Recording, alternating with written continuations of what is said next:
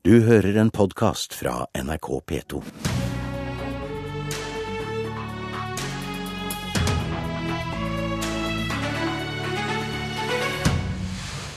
Hva sier Frp og Ap til NHO-sjefen sitt ønske om å likebehandle investeringer i næringsliv og bostader? Og i Tromsø kan alder fort bli et tema i valgkampen. Hvorfor får du høre når Høyres ordførerkandidat er gjest mot slutten av Politisk kvarter.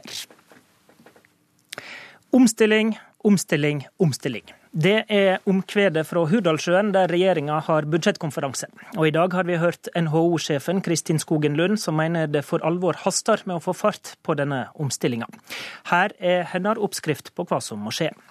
Helt uavhengig av hvilket nivå vi skal ha på skatt, så må det i hvert fall likestilles, slik at det i hvert fall lønner seg like mye å sette pengene i næringslivet som i bolig. Vi kan jo starte der, og så kan vi finne ut av hva det rette nivået er. Det er på en måte en annen debatt. Sa Kristin Skogenlund. Gjermund Hagesæter, finanspolitisk talsmann for Frp på Stortinget, god morgen. God morgen. La oss starte med problembeskrivelsen. Er et av de store problemene for vår omstillingsevne at norske private penger blir investert i hus og hyttepalass framfor i arbeidsplasser? Det er klart det at eh, I forhold til formuesskatt så er det mer gunstig å investere i egen bolig enn å, å investere i bedrifter. Eh, og Det skyldes ikke det at det er for gunstig å investere i egen bolig, fordi det er en valgt politikk. Det skal være gunstig å investere i egen bolig. og Derfor har vi 80% av Norges befolkning som eier sin egen bolig, bor i egen eid bolig. Og Det har altså vært en ønska politikk. Men så er det altså slik at det er for høye skatter og avgifter på næringslivet. og Det har denne regjeringen tatt tak i. Vi har altså redusert skatter og avgifter med 12,5 milliarder kroner. Eh, og Jeg skulle jo mange ganger ønske at NHO var ute og hjalp oss i den kampen for å få ned skattekostnaden, for å få bedre rammebetingelser for næringslivet. Du føler ikke at det er det hun gjør her? Nei, det føler jeg ikke at hun gjør her. fordi at når vi kjemper den kampen i Stortinget ved å redusere bl.a. formuesskatten for bedriftseiere, så fikk vi veldig liten hjelp fra NHO, eller for å si det sånn, ingen hjelp i hele tatt. Så kommer de nå i etterkant, eh, som jeg ikke føler er så veldig konstruktivt. fordi at vi jobber med dette her. Eh, vi forenkler og avbyråkratiserer. Vi skal kutte skjemaveldet for bedriftene. Og vi gjør mange grep som gjør at vi skal få eh, en mer konkurransedyktig næringsliv og tryggere arbeidsplasser. Marianne Martinsen, finanspolitisk talsperson Arbeiderpartiet. Eh, er det et problem at det er for mye penger som blir satt i bolig og eiendom her i landet? Jeg mener jo at eh, NHO-lederen peker på en åpenbar utfordring. Og jeg syns det er litt underlig egentlig at regjeringspartiene har vist seg så lite vilje til å diskutere endringer i innretningen i skattesystemet som kan gjøre at vi får et mer effektivt skattesystem eh, som gir oss, eh, gir oss høyere produktivitet. Så er det jo sånn at primærboligen har en spesiell status. Det mener vi i Arbeiderpartiet at den skal fortsette å ha. Det vil ikke dere rokke ved i det hele tatt? da, med Nei, altså for de, for de, av oss som skal kjøpe en bolig som vi, som vi, faktisk skal bo i, så er jo ikke alternativet å putte pengene inn i bedrift. Men for de som er i en formuesposisjon, altså som har penger som på en eller annen måte skal plasseres, så er dette en veldig interessant problemstilling. Og Da har vi per i dag et skattesystem som gjør det veldig attraktivt å putte penger inn i bolig nummer to, tre, fire, eller også i næringseiendom. Sånn at vi har en skeivhet i skattesystemet som bidrar til at det blir vanskeligere for bedriftene å få tilgang til aktiv kapital. Det er det ingen som helst tvil om. Dette er nye toner fra NHO, og jeg mener at utspillet er interessant og bra. Og Dette har jo vi nettopp gjort noe ved. Vi kutta altså i formuesskatten for bedriftseiere. Og så justerte vi også opp eh, ligningsverdien for eh, ikke for primærbolig, men for eh, sekundærbolig og for eh, næringseiendom osv. Den må kanskje enda mer opp? Ja, hvis den skal det må ha vi selvfølgelig effekten. diskutere. Men her har vi nå en, eh, en regjering som tar dette på høyeste alvor. Den forrige regjeringen økte skattene for næringslivet og formuesskatten for næringslivet. Denne regjeringen har redusert med 12,5 milliarder. Blant annet så har man også redusert eh, selskapsskatten fra 28 til 27 Og man har altså mange ting, mange grep som man holder på med. Man har en rekordinvestering for infrastruktur som gjør det altså billigere å transportere varer og tjenester i, i dette landet. Og veldig mange grep for at det skal bli mer lønnsomt å produsere fra Norge. Så reduksjonen i selskapsskatten fra 28 til 27% skjedde vel strengt tatt under rød-grønt regime? Nei, det, gjorde den ikke. Den ble vedtatt under vår. Det, det, var en endring som ble varsla i vårt er, siste, siste, reviderte budsjett. men la oss, ikke, nå, la oss ikke krangle om snøen mm. som, som falt i fjor, for dette er en helt reell problemstilling for framtida. Og, og omleggingen i formuesskatten var en omlegging som vi begynte mens vi satt i regjering, og som vi har varsla at vi vil fortsette i vårt alternative budsjett. Der gikk vi enda lenger enn regjeringspartiene. fordi at vi mener at det ikke er riktig at du skal ha en så stor forskjellsbehandling av det å investere i en maskinpark som det å investere i eh, eiendom i formuesskatten. Noen kan vel kanskje bli engstelig for at Arbeiderpartiet vil bruke næringslivet som argument for å sette opp skatt på bolig, da, når de hører dette? Nei, Det vi har vært krystallklare på helt siden Scheel-utvalget la fram sin innstilling, er at hvis det skal være aktuelt å gjøre noe som helst med, med skatt på bolig, så må det følges av endringer i inntektsskatten, altså reduksjoner i inntektsskatten. Eh, og Det handler rett og slett om at det å gjøre store skattekutt for næringslivet, og så lempe den regninga over på vanlige folk i form av økt beskatning på bolig, det er for oss ikke aktuell politikk. Det er ikke aktuelt. Men, nei, det er ikke aktuelt. Men, men Scheel-utvalget foreslo jo en ganske kraftig reduksjon i selskapsskatten. Det er en konklusjon som mer eller mindre var bestilt. Altså Man ønska å se på hvordan man kunne få til endringer i selskapsskatten uten å ødelegge skattesystemet vårt. Det betyr at hvis vi skal gå den veien, så må inntektsskatten også antagelig ned. Og hvordan det skal hentes inn, det blir en diskusjon for seg.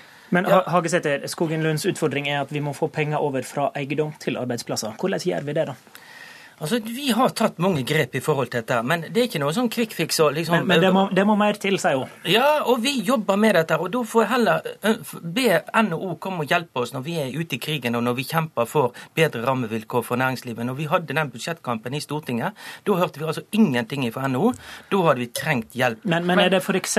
aktuelt i neste budsjett, som, som dine partikollegaer nå er i gang med, å øke ligningstaksten enda mer? Jeg tar ikke å kommentere noe noen ting på de diskusjonene som foregår i Hurdalssjøen, og, og, og, hva som vil ligge inne i 2016-budsjettet. Men, men, men, men du mener vel noe om det? Dette er noe som vi tar på høyeste alvor, og har gode konkurransevilkår for næringslivet. Den forrige regjeringen de økte skattene for næringslivet. Denne regjeringen har redusert skattene for næringslivet. Arbeiderpartiet fremmer også et uh, alternativt statsbudsjett der de eh, skjerper skattene med 10 milliarder kroner. Det er ikke noe godt grunnlag for omstilling og vekst i næringslivet, det er et grunnlag for svekka arbeidsplasser og masse ledighet. Men når dere opplever å ikke få mer drahjelp enn det dere faktisk får, så har det kanskje en sammenheng med at de skattekuttene dere har prioritert, ikke er de som faktisk gir vekstfremmende effekt. Det har dere selv skrevet i brev til Stortinget fra Finansdepartementet. Her snakker vi om kutt i formuesskatten, som er en personskatt for de aller mest formuende. Vi snakker om fjerning av, eh, av arveavgift, som har null dynamisk effekt, altså ingen effekt på det som foregår i, i næringslivet.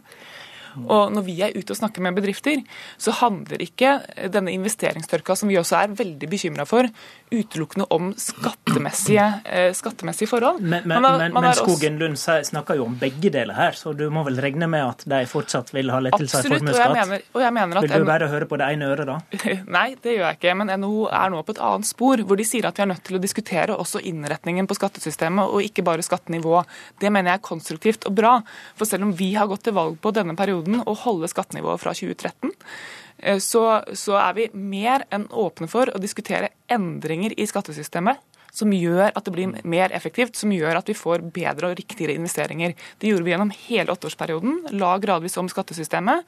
Nå har vi fått Scheel-utvalget, som var en bestilling fra, fra Stoltenberg-regjeringen.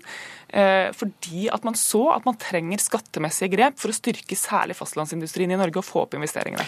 Hagesæter, hva er den viktigste endringa i skattesystemet som bør skje framover, hvis en skal få til denne omstillinga? Nei, Jeg tror vi har tatt veldig mange riktige grep allerede nå. og eh, Det som er problemet med formuesskatten, er jo Marianne snakker om at dette her er en, en personskatt. Det blir det ikke i praksis. På grunn av at når man skal betale den formuesskatten, så må man altså trekke penger ut av bedriften som man eier. Så det, skal, det å fortsette med formuesskatten jo, som er det viktigste? Jonas Gahr Støre har jo til og med innrømt det, at han er nødt til å trekke penger ut av disse bedriftene han eier for å få råd til å betale formuesskatt. Og det mener Jonas Gahr Støre er helt riktig at han må gjøre. Ja, men det vil svekke altså tryggheten for de arbeidsplassene, de, de som jobber innenfor disse bedriftene som Jonas Gahr Støre. Og det er de jeg er bekymra for, og det er de som er viktige. Og så er det altså slik, det paradoksale, at utlendinger som eier bedrift i Norge, de slipper formuesskatt, mens nordmenn som eier bedrift i Norge, de må betale formuesskatt. Det er en eh, urimelighet som vi må gjøre noe med. Jeg tipper det skal bli flere skattedebatter før eh, statsbudsjettet 2016 er lagt fram. Takk til Marianne Martinsen, og takk til Gjermund Hagesæter.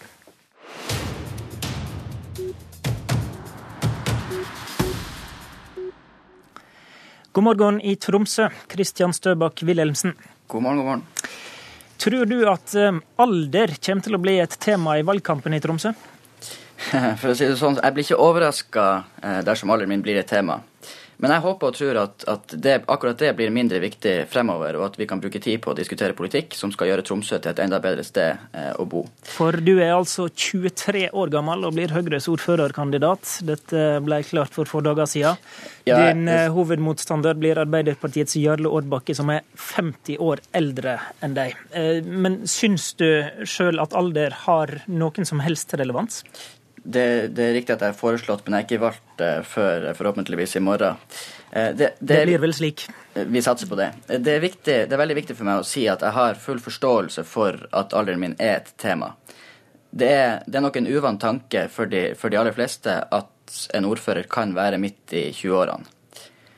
Men når det er sagt, så er det først og fremst utrolig inspirerende å være foreslått som ordførerkandidat. Og jeg skal love tre ting som jeg skal fokusere på. Jeg skal jobbe hardt for Høyre i valgkampen og for Tromsø etter valgkampen uansett resultat. Og så skal jeg konsentrere meg om den politikken som vi går til valg på.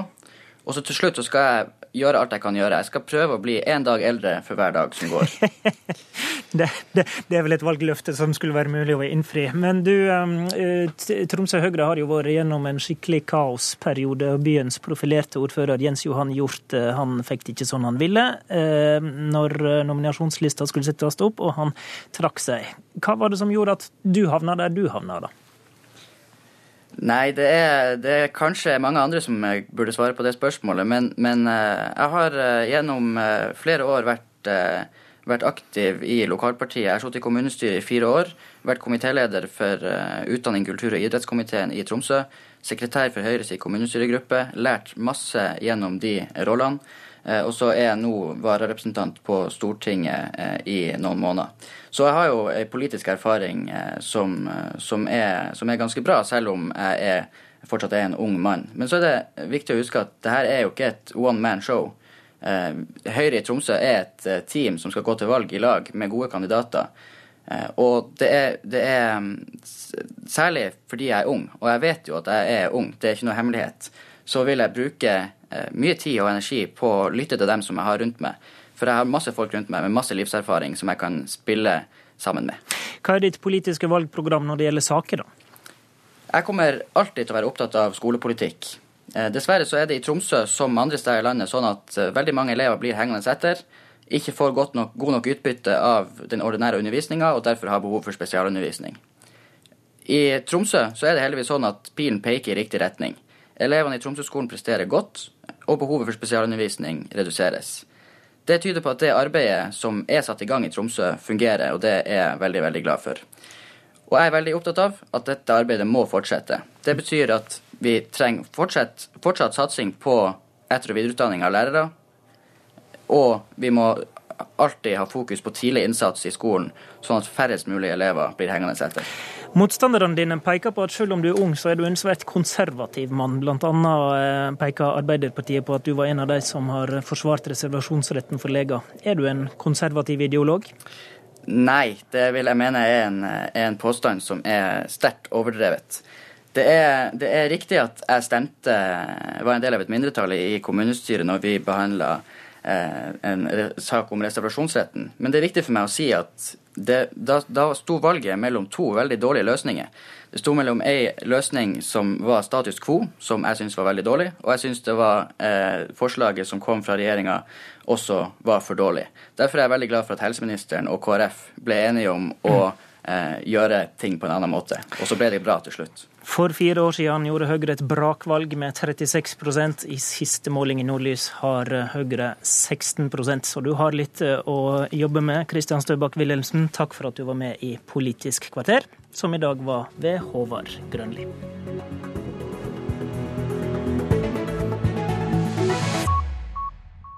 Du har hørt en podkast fra NRK P2.